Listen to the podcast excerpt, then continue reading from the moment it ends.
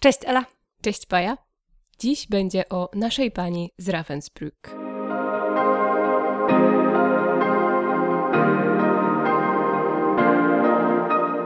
Cześć w ostatnim w tym roku odcinku naszego podcastu. Bardzo się cieszymy, że jesteście dzisiaj z nami, bo w tym ostatnim odcinku czeka na Was wywiad z naszą gościnią. E, będzie to Marta Grzywacz, autorka książki Nasza Pani z Ravensbrück. Ta książka otrzymała w tym roku Górnośląską Nagrodę Literacką Juliusz. Miałyśmy okazję i przyjemność uczestniczyć w gali wręczenia nagrody i tam usłyszeć to, co Marta Grzywacz powiedziała zgromadzonym na sali na temat tej książki. E, bardzo bardzo spodobało nam się to, co opowiedziała o tym, jak widzi tę historię. To, co ta historia może wnieść dla naszego rozumienia historii i tego, jacy jesteśmy dzisiaj. I postanowiłyśmy ją zaprosić do naszego podcastu, żeby opowiedziała coś na ten temat i przepytać ją jeszcze z paru innych kwestii, które bardzo nas zainteresowały podczas lektury tej książki, do zapoznania się z którą już teraz bardzo serdecznie Was zachęcamy. Nasza pani z Ravensbrück to historia Johanny Langefeld, która pracowała między innymi właśnie w obozie koncentracyjnym Ravensbrück. I jest to historia jej życia, którą poznajemy od samego początku, na tyle, na ile da się oczywiście dotrzeć do tych e, materiałów na jej temat. I tego, jak to się stało, że ona w tym obozie koncentracyjnym znalazła zatrudnienie, e, co tam robiła, jak się w tym odnajdowała, jak się z tym czuła. E, I podczas gdy główną bohaterką faktycznie jest e, Johanna Langefeld, to oczywiście ogromną rolę odgrywają tutaj też osoby, w których życiu była właśnie tą panią, tą e, panią życia i śmierci, czyli więźniarki obozów koncentracyjnych. Mamy więc tę prywatną historię życia włożoną w bardzo szeroki kontekst historyczny, kontekst życia w III Rzeszy. To właśnie ten kontekst zrobił na mnie ogromne wrażenie. Dla mnie taką najciekawszą, oczywiście jedną z najciekawszych, bo tutaj Marta Grzywacz odkrywa przynajmniej niesamowitą historię, zarysowując bardzo szeroko historię III Rzeszy, y, historię prywatną Johanny Langefeld, ale to, co zrobiło na mnie ogromne wrażenie jest właśnie kobieta w systemie. Mhm. To y, jak właśnie kobieta funkcjonuje w y, tak surowym systemie, jakim właśnie jest Trzecia Rzesza. W ogóle jakie możliwości albo jak kobiety były postrzegane y, w tej Trzeciej Rzeszy i jak ona musiała sobie radzić w tym kraju jako samotna matka. Jakie miała w ogóle możliwości, gdzie ona mogła w ogóle znaleźć to zatrudnienie, jak y, się wychowywała, jakie nastroje towarzyszyły okresie, w okresie jej dorastania i w jaki sposób to ją kształtowało albo i nie. Więc ten kontekst, który tutaj poznajemy, tak jak już powiedziałaś, Ela, to jest ten od samego jej początku i wydaje mi się, że to jest bardzo ważne, że to nie jest historia, która jest gdzieś w jakiejś próżni albo nie jest po prostu poprowadzona po jakiejś najmniejszej linii oporu, tylko właśnie zarysujemy sobie szeroko ten kontekst, to, co możemy wywnioskować na temat tego, co ona myślała, co ona czuła, y, także na podstawie relacji więźniarek, ale także staramy się ją, e, a Marta Grzywacz stara się włożyć właśnie w całe wszystkie koncepcje, które właśnie wtedy w przededniu II wojny i w czasie II wojny, jakie panowały w Europie, w III Rzeszy i w Polsce i w obozach koncentracyjnych. Więc to była dla mnie bardzo taka ciekawa i cenna lekcja właśnie osadzania historii jednostki w szerokim kontekście i punktem, jaki to może stanowić ciekawy punkt wyjścia dla myślenia o nas samych, kim my jesteśmy jesteśmy, jak te nasze pojedyncze, małe historie y, rysują się w czymś wielkim i większym od nas. Tak, to na pewno jest bardzo ciekawe. Dla mnie też e, bardzo fascynujący był wątek e, sprawiedliwości. To jest takie zagadnienie, które już od dłuższego czasu mnie bardzo interesuje e, i któremu często staram się przyglądać poprzez różnego rodzaju lektury. I tutaj ta historia Johanny Langefeld też jest naprawdę świetnym punktem wyjścia do zastanowienia się nad tym, czym jest sprawiedliwość, e, jak ona potrafi wyglądać, czy ta sprawiedliwość to rzeczywiście jest coś, co da się zmierzyć i wymierzyć, kto właściwie ocenia, czym ona jest i czym jest przewinienie, zwłaszcza jeśli to nie jest takie, powiedzmy, pospolite, codzienne przestępstwo, tylko zbrodnia wojenna, na, wykraczająca poza nasze na przykład e, codzienne wyobrażenia o tym, co człowiek może wyrządzić. I kiedy zbrodnia przekracza, przekracza nasze wyobrażenia, to jak może wyglądać kara i czy e, jesteśmy w stanie w ogóle e, stwierdzić, co jest sprawiedliwym zadośćuczynieniem za, za nasze uczynki. Więc to e, również tutaj w momencie, kiedy wojna się kończy i kiedy alianci i, i inne, inni e, zwycięzcy próbują wymierzyć sprawiedliwość, to, to to znowu jest zagadnienie, które, które też się pojawia w tej książce i e, dla mnie to było również bardzo, bardzo fascynujące i znowu skłoniło mnie do wielu przemyśleń. E, no więc, e, jak widzicie, można tutaj w tej biografii znaleźć nie tylko informacje o samej Johannie Langefeld, ale też wiele innych wątków, które gdzieś tutaj się prze są przemycone i które my możemy sobie przemyśleć, rozwinąć e, we własnej głowie. No i myślę, że teraz już przejdziemy do rozmowy z Martą Grzywacz i zapytamy, co ona o tym wszystkim myśli. Bardzo nam miło, że dzisiaj naszą gościnią jest Marta Grzywacz, autorka książki naszej pani z Ravensbrück, o której już trochę Wam opowiedziałyśmy w naszym wstępie. Dzień dobry Marto, bardzo się cieszymy, że jesteś z nami. Dzień dobry, witam Was wszystkich. Przed chwilą opowiadałyśmy, o czym dla nas jest ta książka i jakie wątki szczególnie nas poruszyły. I chciałam teraz Ciebie zapytać, e, co dla Ciebie jako autorki jest w tej książce najważniejsze? Gdybyś miała tak powiedzieć e, coś takiego mniej oczywistego niż ta książka jest o historii Johanny Langefeld, to o czym ona jest? Co tak szczególnie wysuwa się dla Ciebie na pierwszy plan? I jeszcze takie dodatkowe pytanie, czy to się zmieniało w miarę jak pisałaś? Czy było tak, że początkowo miałaś jakąś wizję, o czym to będzie, jak to się będzie rozwijało, a potem pojawiły się jakieś e, niespodziewane tropy i poszłaś ścieżkami, które, których się nie spodziewałaś na początku? Jak to było? Odpowiadając na pierwsze pytanie, ta książka jest y, o tym, jak bardzo jesteśmy dziwni jak bardzo nieoczekiwane e, jest czasami nasze postępowanie, jak dalece nie wiemy, czego spodziewać się sami po sobie, jak drobiazgi i e, niewielkie zakręty, by, by się wydawało w naszym życiu, są w stanie zmienić drogę, którą podążamy, e, zarówno w dobrą, jak i złą stronę. Ta książka jest o tym, że jesteśmy nieprzewidywalnymi ludźmi pod każdym względem. Zarówno my, ludzie, którzy uważamy się za przyzwoitych i dobrych, jak i ci, których uważamy za złych. To dotyczy zarówno tego, co zrobiła Johanna Langefeld, jak i kobiet, które e, były w obozie Ravensbrück, potem ją uratowały. E, Johanna Langefeld, jak wiemy, była nazistką, która zasłużyła się tym, że była stosunkowo przyzwoita dla kobiet, e, dla których była panią życia i śmierci w końcu w Ravensbrück. I kobiet, które jednocześnie mogły świadczyć przeciwko niej podczas procesu y, w Krakowie, a zdecydowały się ją uratować, ponieważ uważały, że to, co zrobiła, nie zasługiwała przez to na śmierć.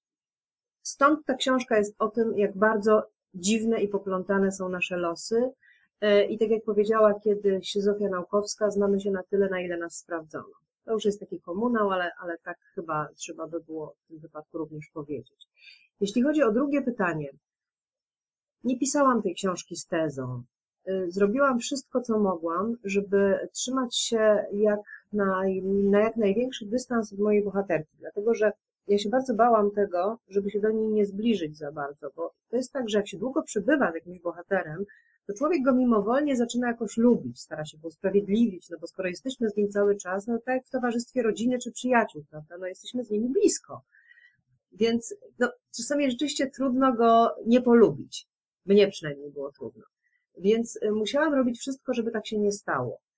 I myślę, że takim kubłem zimnej wody, który zresztą bardzo mi pomógł, y, były dwa wydarzenia. Jedno to była wizyta w obozie w Ravensbrück, gdzie historycy mówili że jednoznacznie, absolutnie jednoznacznie, że to była nazistka i że nie wolno jej usprawiedliwiać.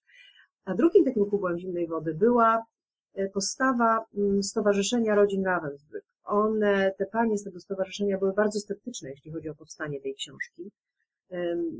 No, rzeczywiście też podchodziły z pewną rezerwą do tego, dlatego że sądziły, że ja zrobię z tego sensację.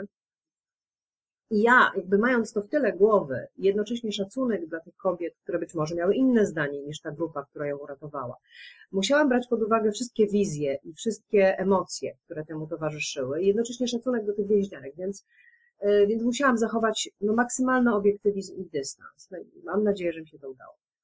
Mm, właśnie o to chciałam trochę dopytać, już trochę odpowiedziałaś na moje pytanie, ale chciałam zapytać o ten portret y, Johanny Langefeld. Korzystasz z tylu źródeł, z ilu się da, rozmawiasz z tyloma osobami, z, które jeszcze mogą dać świadectwo. Y, starasz się zarysować jak naj, najszerszy kontekst, żeby y, opowiedzieć tę historię, żeby przedstawić tę postać. No i powiedziałaś już, że spotkałaś się z różnymi oczekiwaniami, z tymi dwoma kubłami zimnej wody. I czy, czy właśnie jak, jaką rolę odgrywały w procesie pisania właśnie te oczekiwania? Mamy te takie stereotypowe, pojawia się teraz dużo takich stereotypowych y, pozycji na temat wojny, że mamy ten podział na tych dobrych i złych. Ty w swojej książce właśnie zarysowujesz taki duży, bardzo szary portret. Czy możesz to jakoś skomentować właśnie to stereotypowe pisanie o wojnie i to patrzenie z szerokim kontekstem na wydarzenia, o których teraz już coraz mniej, o których już teraz coraz mniej możemy usłyszeć od ludzi, którzy rzeczywiście ich doświadczyli. Y, ja spotkałam się z pytaniem ze Stowarzyszenia Rodzin Ravensbrück, dlaczego ja o więźniarkach nie piszę? Zanim ta książka powstała. Tylko o nazistce, która, która była ich oprawczynią w gruncie rzeczy. Więc oczywiście to nie jest prawda, bo ta książka jest również o więźniarkach. Co nie znaczy, że nie mamy pisać również o oprawcach. Oni przecież tworzyli tą historię, prawda? Więc nie możemy ich pomijać. Więc to jest ta pierwsza rzecz, dla której ja chciałam opisać tę historię. Ona również była istotna w, w całym systemie Holokaustu. Znaczy, przede wszystkim ona.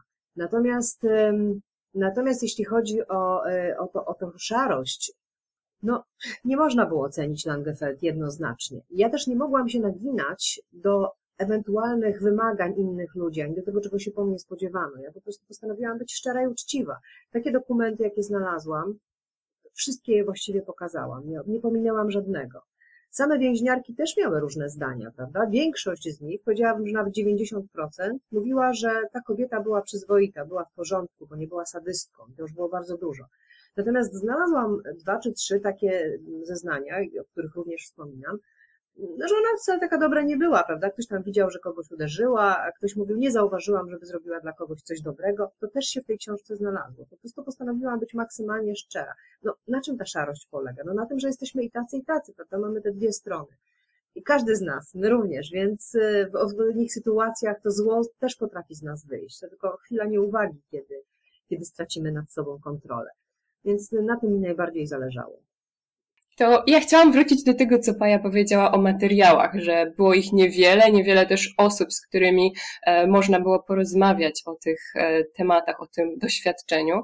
Więc chciałam Cię zapytać, jak to wyglądało, jak wyglądał ten proces zbierania materiałów do książki.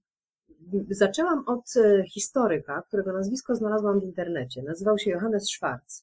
To była pierwsza osoba, z którą się skontaktowałam. Zadzwoniłam do niego. Wiedziałam, że jest specjalistą od nazistek, że napisał wiele prac naukowych.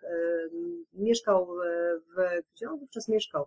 W Hamburgu albo e, w Mainz chyba. I tam do niego pojechałam. I on rzeczywiście sporo mi powiedział.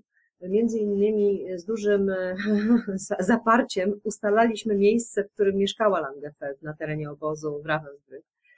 I on mnie również pokierował w różne strony, także to był pierwszy kontakt. Później bardzo mi pomagał w zbieraniu materiałów, dlatego że na przykład Bundesarchiv e, charakteryzuje się tym, że nie odpowiada na maile. Nie odpowiada na maile całymi tygodniami i miesiącami, a ja nie miałam tak wiele czasu, więc bardzo wiele materiałów dostałam właśnie od profesora Szwarca, e, za co jestem mu bardzo wdzięczna. E, spędziłam mnóstwo godzin w IPN-ie, szukając każdego najmniejszego śladu. Było to tym trudniejsze, że nazwisko Langefeld było zapisywane w różny sposób. Była Langefeld, była Langenfeld, nawet Landendorf, więc e, to była ciągle ta sama osoba, więc e, rzeczywiście musiałam szukać tych materiałów w różnych źródłach. I każda najmniejsza karteluszka powodowała, że, że ja miałam wypieki na twarzy. Dotykałam tych starych stron z tych lat 40. I, i byłam, to była niesamowita ekscytacja. Odkrywałam sobie duszę archiwisty w tamtym momencie. I muszę przyznać, że ten proces poszukiwania jest najciekawszą rzeczą, jeśli chodzi o pisanie książki. To pisanie potem jest trudne i stresujące, natomiast to poszukiwanie było fantastyczne. E, jakkolwiek rzeczywiście materiałów było bardzo mało i rzeczywiście ja się bałam na początku, e, że nie uda mi się tej książki stworzyć, ale doszłam do wniosku, że warto pokazać postać Langefeld na dość szerokim tle, żeby czytelnik mógł łatwiej zrozumieć, skąd ona się w ogóle w tym systemie wzięła i co ją ostatecznie ukształtowało. Stąd może to tło takie szerokie. No i też przede wszystkim jak wyglądał obóz Ravensbrück, prawda? Bo my nie wiemy, czy ktoś jest dobry, czy zły, jeżeli nie zobaczymy tego tła, na którym te sprawy się dzieją. Mm, więc to zbieranie tych materiałów trwało w zasadzie do samego końca. Ja zresztą tak pracuję, że nigdy nie jest tak, że e, zbieram materiały, kończę i, e, i zaczynam pisać, tylko po prostu zbieram, piszę, potem kolejne pytania się pojawiają, więc ja znowu szukam, gdzieś się tam udaję, znowu grzebię w jakichś archiwach. Jest rzeczywiście mnóstwo książek, e, mnóstwo dokumentów. I te dokumenty spowodowały, ponieważ one były tak rzadkie i było ich naprawdę niewiele, było mi strasznie szkoda, żeby czytelnik ich do końca nie zobaczył. Dlatego ja postanowiłam e, zrobić taką formę, która e, mnie samą poprowadziła w sumie potem przez tą książkę, czyli każdy rozdział zaczyna się od kolejnego dokumentu. I te dokumenty, które znajdowałam, właśnie dawały mi też takie, taką bazę i taką ramę, wokół której powinnam się w tej książce poruszać. Więc bardzo się cieszę, że je znalazłam. Takim moim jednym z ulubionych dokumentów, jeżeli mogę tak to powiedzieć, była lista rzeczy, które Langefeld miała w więzieniu na Montelupich w Krakowie. Stąd mogłam napisać, w jaki sposób była ubrana, jak opuściła to więzienie. Dlatego, że tam były dosłownie trzy rzeczy na krzyż. Był płaszcz skórzany, była spódniczka, spodnie, ze dwie bluzki i kilka par majtek. I to wszystko, co ona miała przy sobie. Więc y, każda rzecz, również to, w co była ubrana, była uzasadniona i udokumentowana.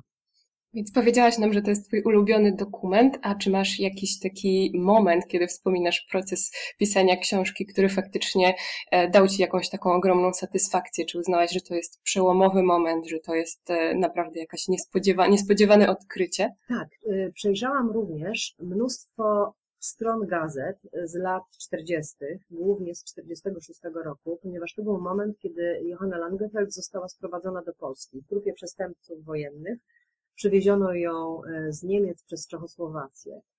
Jak wiedziałam o tym, wiedziałam z kim ona jedzie, wiedziałam, że jedzie między innymi z Marią Mandel, z Erich i jeszcze chyba jedna była, już nie pamiętam jej nazwiska, nazistka. I szukałam informacji w polskiej prasie o tym, że przyjechała właśnie ta grupa nazistów. W ogóle to jest bardzo ciekawe, ale polska prasa w latach 40., 45-46 zajmowała się głównie od, ziemiami odzyskanymi, procesami akowców, ściganiem akowców i oczywiście przywożeniem nazistów e, ekstradowanych do Polski z zagranicy, ze stref okupacyjnych, głównie angielskiej i amerykańskiej. I ja w pewnym momencie natrafiłam, to była jedna, jedyna taka notatka, ale to ciekawe, bo nazwisko Langefeld było e, w niej wytłuszczone. I było napisane, że właśnie przyjechała straszliwa zbrodniarka Johanna Langefeld, która wsławiła się wieloma zbrodniami. Ja to zobaczyłam i rzeczywiście drżały mi ręce, ale pomyślałam sobie, że autor, autor artykułu popełnił błąd, że jednak nie chodziło o Langefeld, tylko prawdopodobnie bardziej o Marię Mandel, ponieważ to ona się wsławiła zbrodniami. Langefeld nie miała aż nie, no, nie, została w ten sposób zapamiętana, nie było śladów po tym, nie, nie, było żadnego jej podpisu pod żadnym dokumentem, na przykład skazującym kogokolwiek na śmierć, albo, albo y, przeprowadza dokumentem, który był dokumentem potwierdzającym selekcję na przykład. Nie ma podpisów Langefeld, natomiast podpisy Marii Mandel były. I ona została zapamiętana przez więźniarki jako ta okrutna bestia. Więc ja myślę, że to chodziło bardziej o nią. Niemniej nazwisko Langefeld pojawiło się w polskiej prasie. To był jeden, jedyny taki przypadek. Ja chciałam trochę podpytać, jak w ogóle widzisz literaturę na temat zagłady, zarówno tą taką bardziej powiedzmy profesjonalną i tą z wyczuciem zagłębiającą się w tę wielowymiarową, jak już sama powiedziałaś, tematykę, a tą taką bardziej powierzchowną i stereotypową. Czy zaczynając tę książkę myślałaś o tym, że rynek jest już nasycony? Czy, czy ta historia jest potrzebna? to nie był mój pomysł, tylko pomysł wydawnictwa. Więc wyszłam z założenia, że wydawnictwo wie, co robi. Że jeżeli oni uznali, że jest miejsce na tą książkę, no to widocznie jest. Ja oczywiście, tak jak wspominałam na początku, podeszłam do tego z pewną rezerwą, bo wydawało mi się, że nie ma materiałów, no ale potem jak już zaczęłam szukać, to okazało się, że jednak coś tam się znajduje. Natomiast jeśli chodzi o tę literaturę obozową, ja bardzo nie lubię czytać takiej literatury popularnej. To znaczy, nie lubię czytać powieści na bazie obozu koncentracyjnego. Wydaje mi się, że nie wiem, to jest jakieś okrutne dla mnie. Jakoś nie mogę tego czytać. Tych, tych opowieści o miłości, tych fryzjerów, tych, tych księgowych, tego wszystkiego. To ja, ja rozumiem, że, że to są pewnie książki gdzieś tam, które powstały w oparciu o fakty, ale jednak w tym wypadku skupiłabym się tylko na faktach. Więc mam z tym kłopot. Natomiast no, ludzie piszą, co im w duszy gra, prawda, więc no, trudno jakoś to inaczej skomentować. Jestem tylko czasami też zniesmaczona tym, że pojawia się w tych książkach tak wiele nieprawdy i czytelnik nie może się tak do końca nauczyć z niej historii, dlatego że ja na przykład czytam w jednej z książek, tutaj nie podam nazwiska autorki, ale czytam na przykład, że Himmler miał siostrę. I myślę, czy ja coś przeoczyłam? Może on naprawdę miał siostrę? I szukam gdzieś po dokumentach i okazuje się, że ta siostra trafiła do Ravensbrück. Jezus Maria, jaka siostra? Jakiego Himmlera? Jakie Ravensbrück? I jestem w kropce w tym momencie, bo myślę sobie, albo ja nic nie rozumiem, albo ja nie wiem, albo coś przeoczyłam i, i wpadam w panikę, więc ja nie chcę wpadać w panikę, dlatego trzymam się od tych książek z daleka. Cieszę się, że o tym powiedziałaś, bo, bo no, jednak to jest ważne, tak, to jest ważne. Jednak no, bardzo dużo tego jest i, i właśnie brakuje takiego filtra, przez który można by y, czytać te książki albo jakiejś wiedzy i zrozumienia, z jaką można by podchodzić, tak jak mówisz, do informacji albo do faktów, które nie miały tak naprawdę miejsca, więc wydaje mi się, że to jest... Tak, one zawsze zmiękczają, zawsze zmiękczają przekaz, a tego przekazu nie wolno zmiękczać. To nie chodzi o martyrologię nawet, tylko o prawdę historyczną. Po prostu nie wolno pokazywać tego, tak jak mówisz, przez filtr, prawda? Nie, nie, to ma być pokazane expressis brevis, tak jak to wyglądało po prostu. Świetnie, to ja się bardzo cieszę, że już to ustaliłyśmy i skoro ustaliłyśmy, żeby lepiej trzymać się tej literatury faktu, która e, w rzetelny sposób przedstawia rzeczywistość i, prawdę historyczną, to moje kolejne pytanie jest właśnie o rolę takiej literatury i przez to też rolę Twojej książki e, w dzisiejszym świecie, bo chciałam jeszcze e, powiedzieć osobom, które nie miały okazji słyszeć profesora Sławka, który powiedział wręczając Ci e, nagrodę Juliusz, że to jest książka, która jest bardzo ważna w dzisiejszych czasach, w naszym współczesnym świecie. Jak Ty widzisz powiązania pomiędzy swoją książką, pomiędzy książką, która dotyczy przecież II wojny światowej, a dzisiejszym światem?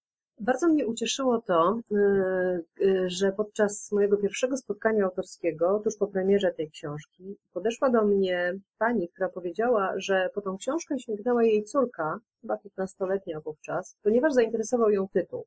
Bardzo mnie to ucieszyło, że, że ten tytuł był na tyle, na tyle atrakcyjny dla tej młodej kobiety, że, że zdecydowała się tę książkę przeczytać, bo to jest właśnie rzecz dla młodych ludzi. To nie jest dla nas starych, którzy słyszeliśmy tę historię już wielokrotnie, tylko dla kolejnego, może akurat nie tę, bo, bo ona była rzeczywiście dosyć taka nietypowa w sumie, jeśli chodzi o historie wojenne, ale jest ich mnóstwo, prawda, nieodkrytych jeszcze rzeczy. E, ciągle to jest jeszcze kopalnia tematu II wojna światowa. Natomiast, e, natomiast no, my już wiele przeżyliśmy, wiele widzieliśmy, słyszeliśmy, przeczytaliśmy, prawda? Natomiast młodzi ludzie jednak nie. Więc to jest, myślę, książka też dla tego pokolenia, żeby zobaczyło, jak to było kiedyś. Y, ja mam takie zacięcie edukacyjne trochę, więc, więc też tak piszę swoje książki, żeby, żeby ludzie się czegoś z nich dowiedzieli i jakąś wiedzę zyskali. Natomiast jeśli chodzi o współczesny świat, ja myślę, że to jest o tyle uniwersalne i mogłoby się odnieść właściwie do każdego czasu i każdego wieku, że um, no, niejednoznaczność ludzkiej natury była, jest i będzie my zawsze będziemy tacy sami, szarzy, prawda? Nigdy czarno-biali. Zawsze będziemy mieć te kilka odcieni w sobie. Więc w tym znaczeniu y, to może być atrakcyjne również dla, dla, dla obecnych czasów. Y, I to chyba o to chodziło profesorowi Sławkowi, tak myślę. Szczególnie dzisiaj, kiedy obecna władza pokazuje nam świat czarno-biały i mówi, tu są Polacy, tu są katolicy, a tu nie są Polacy, bo nie wierzą na przykład, albo mają inne poglądy, prawda? Nie można w ten sposób dzielić ludzi. Więc mam również na myśli, że i to, znaczy mam nadzieję, że i to profesor Sławek miał na myśli, że ta książka pokazuje, że my jesteśmy bardzo złożonymi tworami. Nie można nas tak łatwo podzielić, nie można nas skłócać, My wszyscy lubimy, cenimy, prawda, polską historię, jest, mamy szacunek dla polskiej flagi, prawda. Nie możemy powiedzieć, że, że ci, którzy mają inne zdanie niż obecna władza, nie są Polakami, prawda.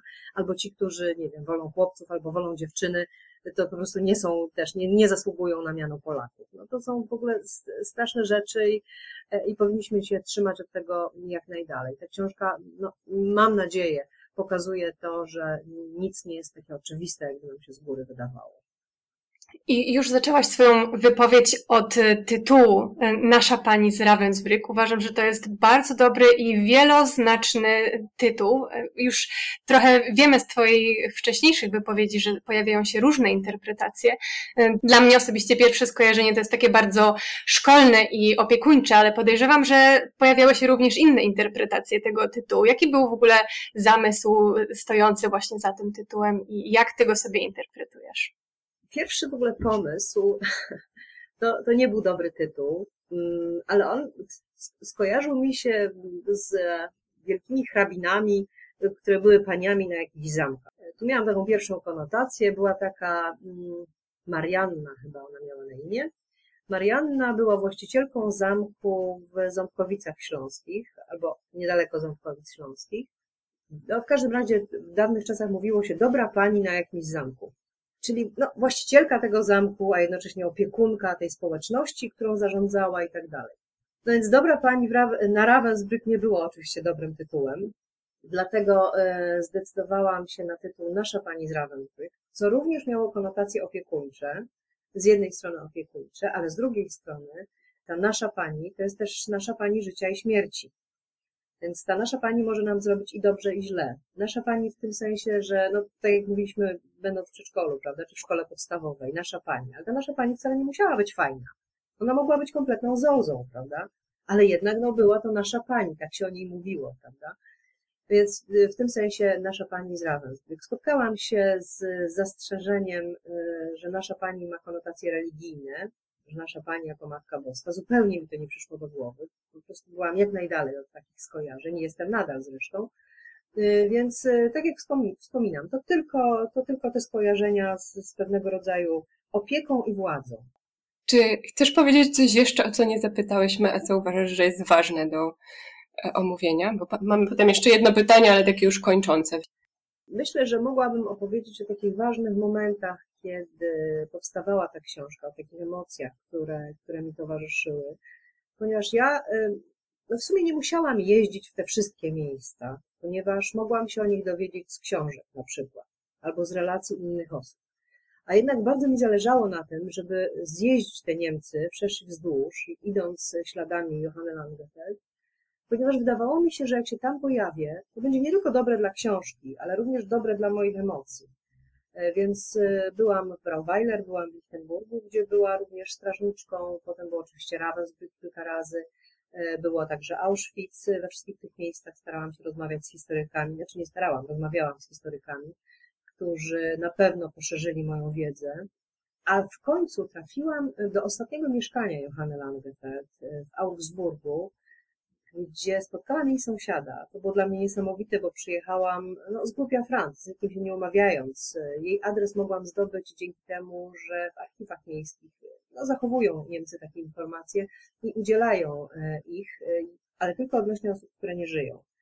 Więc y, odwiedziłam to ostatnie mieszkanie Johanny Langefeld. Nie mogłam wejść do środka, bo akurat nikogo nie było, ale zapukałam do sąsiada, okazało się, że, że jest. A tak, pamiętam Johannę Langefeld, moja żona ją znała trochę lepiej.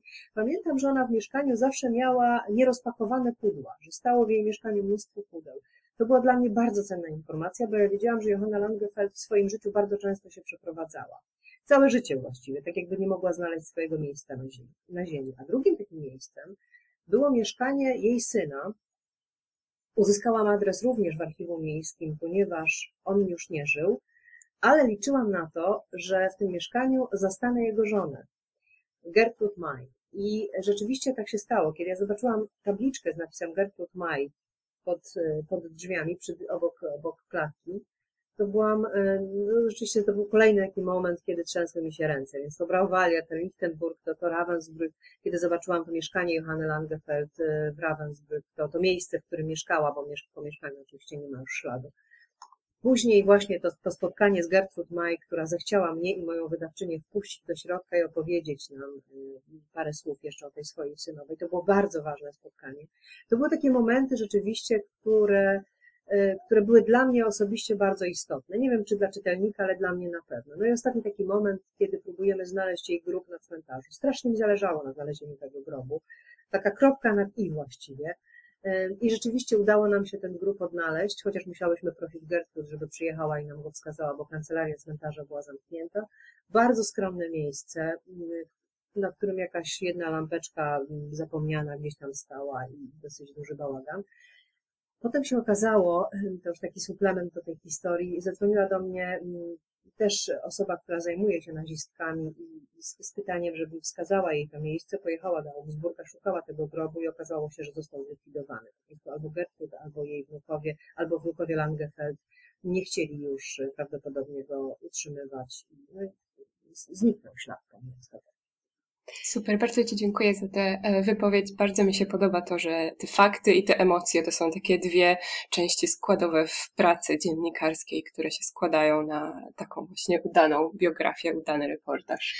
Tak, a ja chciałam jeszcze dopytać, bo powiedziałaś o tym, co wydarzyło się już później po, po napisaniu książki, po zakończeniu jakby procesu zbierania materiałów. Czy po jej wydaniu y, były jakieś głosy? Ktoś się y, odezwał z y, jakąś informacją, której nie udało ci się znaleźć, albo pojawiła się jakaś historia, albo jakieś świadectwo, które, którego, do którego nie udało ci się dotrzeć, albo którego, które po prostu gdzieś się zaginęło i dzięki tej książce ktoś mógł się z nim do ciebie zgłosić? Niestety nie. Bardzo żałuję, bo to oznacza, że, że na razie ta tajemnica zostaje tajemnicą. Z jednej strony to jest dobrze, bo e, gdzieś jest we mnie ciągle taka nadzieja, że jest jeszcze jakieś miejsce, do którego nie zajrzałam i może przyjdzie mi do głowy, żeby tam zajrzeć, albo ktoś gdzieś kiedyś przeczyta i się odezwie. A z drugiej oczywiście żal, że nie udało mi się jej rozwiązać do końca, ale nie, tego nie było. Natomiast spotkałam się z dość miłym przyjęciem tej książki przez osoby, które początkowo były sceptyczne. Napisała do mnie pani ze Stowarzyszenia Rodzin Ravensbrück, może nie zwracając honor, ale napisała, że jest to książka rzetelna, udokumentowana i że właściwie przedstawia fakty takie, jakie były. E, jej matka również była w obozie Ravensbrück, więc, e, więc to było dla niej szczególnie ważne. No i dla mnie też pomyślałam sobie, no tak, to fajnie, że, że, że nie ma w związku z tą książką żadnego hejtu, prawda, się na mnie nie wylewa żaden hejt, więc to było dosyć, dosyć dobre oczywiście. E, no i cieszyłam się, że, że nikomu nie zrobiłam krzywdy, to jest bardzo ważne. Dobrze, to mamy do Ciebie jeszcze ostatnie pytanie, e, takie, które trochę odchodzi od Twojej książki, bo tak się składa, że to będzie ostatni odcinek naszego podcastu w tym roku. E, I chciałyśmy żebyś spróbowała tak podsumować czytelniczo swój rok, bo my w podcaście polecamy zawsze parę książek, które są dla nas wartościowe, które um, sprawiły nam radość czytelniczą, które coś nam dały. E, I chciałyśmy na koniec Ciebie zapytać, czy patrząc wstecz na ten rok, masz jakieś pozycje albo jedną pozycję, którą chciałabyś polecić naszym słuchaczom i słuchaczkom? Jestem bardzo szczęśliwa, że mogę o tym opowiedzieć, dlatego że mam do siebie ogromne pretensje, że ja w ogóle nie czytam. Jak ktoś bardzo dużo pisze, to czytam w zasadzie tylko te rzeczy, które są mu potrzebne do pracy. I właściwie nie ma już za bardzo czasu, ani czasami też siły po prostu na to, żeby zagłębiać się w jakieś inne rejony. Muszę powiedzieć, że w ogóle nie czytam e, beletrystyki nie wiem, nie mogę od jakiegoś czasu. Może z rok temu przeczytałam jakąś jedną beletrystyczną książkę, głównie dlatego, że dotyczyła Holandii, a ja mam związki z Holandią bliskie, więc, więc stąd ta książka. Natomiast rzeczywiście beletrystyki nie czytam, ale mogę Państwu polecić dwie książki, które udało mi się przeczytać ostatnio, ponieważ e, ja teraz pisałam e, kolejną książkę z cyklu Ravensbrück i właśnie ją oddałam, no ale w międzyczasie miałam już okazję przeczytać e, właśnie te, które chcę teraz polecić. Jedną z nich jest Kajś, Zbigniewa Rokity, który dostał, który dostał nagrodę Nikę tegoroczną. Jest to absolutnie fantastyczna książka, którą trzeba przeczytać, nawet jak się nie jest ze Śląska. Wspaniale napisana, cudownym językiem, świetnie przedstawiająca fakty i nawet sobie żartowałam, jak to, jak to zrobić, żeby nie używać tylu dat, bo moje książki są jednak książkami, oczywiście jest to reportaż, jest to reportaż historyczny, te daty wydają mi się ważne, szczególnie w niektórych sytuacjach, Natomiast u Rokity jest tak, że on, on te daty gdzieś tam y, jakoś kamufluje, także one nie są takie istotne. Istotna jest jakby inna, inna rzecz, istotna jest całość. Jest to historia Górnego Śląska przekazana w sposób bardzo subiektywny, y, ale jednocześnie oparta jak najbardziej na faktach. Y, cudownie, jak wspomniałam, napisana. Także e, jeśli komuś zazdroszczę twórczości, to, to Zbyszkowi na pewno. Mogę tak mówić, bo się spotkaliśmy na jednym z festiwali. I serdecznie mu gratuluję, bo chłopak ma 30 parę lat, jest mega zdolny. E, a druga książka, to jest książka, która też dotyczy Holandii. Napisał ją e, Piotr Oczko, profesor Piotr Oczko z Uniwersytetu Jagiellońskiego. Znacie? Tak, kochamy.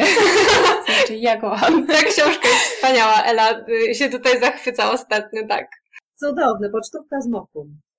Nie wiem, czy o tym mówimy, prawda? Pocztówka z mokum to, to są felietony na temat Holandii, e, które przybliżają nam e, ten kraj w sposób uroczy, ponieważ Piotr pisze uroczo, pisze również bardzo osobiście, i polecam Państwu przy tej okazji nie tylko pocztówkę z Mokum, jeśli lubicie Holandię i chcielibyście się tam kiedyś wybrać, ale także książkę, która w zasadzie no nie, jest nie do dostania, ale może w jakichś bibliotekach albo w jakichś bibliotekach, bibliotekach naukowych.